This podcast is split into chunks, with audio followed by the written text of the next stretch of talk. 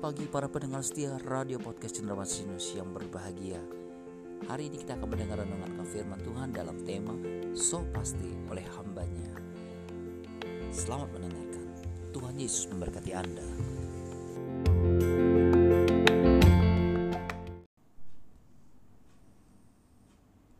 Tidak pernah bosan, kita selalu rindu mendengarkan kebenaran firman Allah. Jadi hari ini tema saya so pasti. So pasti. Ya, artinya selalu pasti. Kalau saudara bicara tentang so pasti atau selalu pasti, eh, kecenderungannya adalah ingat dengan kebaikan Tuhan. Bahwa Tuhan bukan sekedar janji, tetapi dia memberkati dan dia menepati. Ini yang gak ada duanya dari Tuhan kita. Dia Allah yang memang sebenarnya tidak butuh uh, saudara karena dia bisa suruh yang lain untuk bisa memuji Tuhan. Sebenarnya dia tidak juga butuh saudara untuk saudara terus-terusan dia mengemis dan berkorban buat saudara. Maka saudara jangan berharap karena ada pengorbanan dalam kali berikutnya. Karena yang dia datang nanti kali yang kedua adalah menghakimi saudara. Jadi di kesempatan ini so pasti kita harus menekankan diri kita untuk tetap menjadi anak Tuhan yang sungguh-sungguh. Kita akan baca di dalam Roma pasal 9 ayat yang ke-6 sampai 16. Cukup panjang ayat ini. Biarlah ini jadi berkat buat kita semuanya. Akan tetapi firman Allah tidak mungkin gagal sebab tidak semua orang yang berasal dari Israel adalah orang Israel. Dan juga tidak semua yang terhitung keturunan Abraham adalah anak Abraham. Tetapi yang berasal dari Ishak yang akan disebut keturunanmu. Artinya, bukan anak-anak menurut daging, adalah anak-anak Allah, tetapi anak-anak perjanjian yang disebut keturunan yang benar. Sebab firman ini mengandung janji, pada waktu seperti inilah aku akan datang dan Sarah akan mempunyai seorang anak laki-laki, tetapi bukan hanya itu saja. Lebih terang lagi ialah Ribka yang mengandung dari satu orang, yaitu dari Ishak bapa leluhur kita. Sebab waktu anak itu belum dilahirkan dan belum melakukan yang baik atau yang jahat, supaya rencana Allah telah tentang pemilihan yang diteguhkan bukan berdasarkan perbuatan tetapi berdasarkan panggilannya. Dikatakan kepada Ribka anak yang tua akan menjadi hamba anak yang muda. Tetap seperti ada tertulis, aku mengasihi Yakub tetapi membenci Esau. Jika demikian, apakah yang hendak kita katakan? Apakah Allah tidak adil? Mustahil. Sebab ia berfirman kepada Musa, aku akan menaruh belas kasihan kepada siapa aku mau. Menurut belas kasihan aku akan bermurah hati kepada siapa aku mau bermurah hati. Jadi hal itu tidak tergantung pada kehendak orang atau usaha orang, tetapi kepada kemurahan hati Allah. Menarik sekali ayat yang ke-16. Jadi hal itu tidak tergantung pada kehendak orang atau usaha orang, tetapi pada kemurahan hati Allah. So pasti. Jadi di sini menarik sekali untuk kita bisa perhatikan bagaimana kita bisa menjadi orang-orang yang terpilih, menjadi orang-orang yang luar biasa.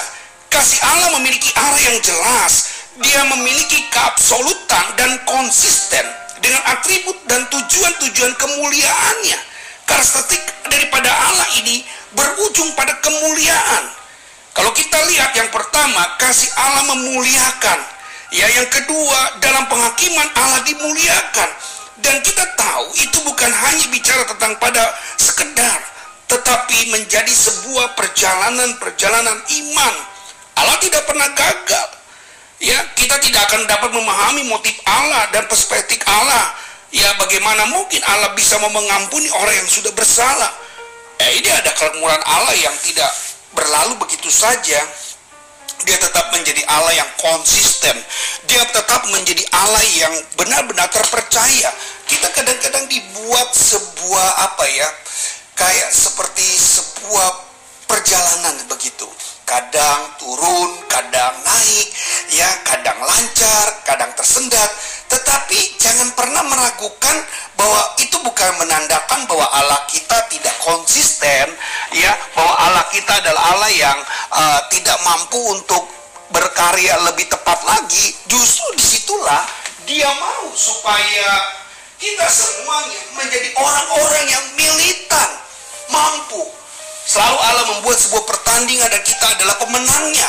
Allah menjadikan kita adalah lebih dari pemenang. Justru lewat perjalanan-perjalanan itu, lewat kinerja kerja kita yang penuh dengan semangat, tantangan yang semangat.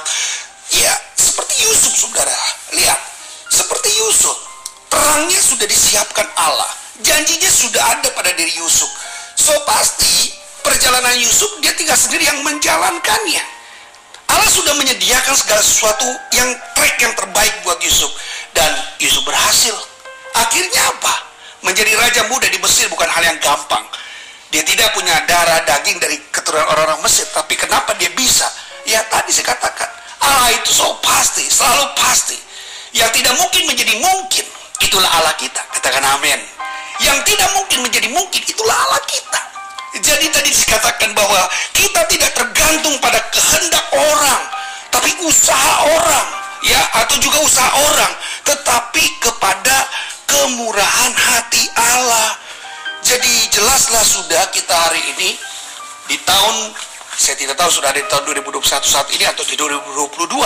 Tentunya saudara punya satu uh, rencana yang jauh ke depan lebih luar biasa rencana yang jauh ke depan yang dahsyat. Sebab oleh karena itulah hidup kita jangan pernah disia-siakan. So pasti Allah sudah punya rencana indah di dalam kehidupan saudara. Mulai hari ini sebuah apa perjalanan sudah tidak dalam jalan yang kelok-kelok tapi sudah sudah ada di dalam pengiringan dan penyertaan Tuhan. Belajar dengan Tuhan terus apa yang dia sudah lakukan dia selalu ingin yang terbaik buat saudara dan saya. Saudara diberkati, bagikan pokes ini.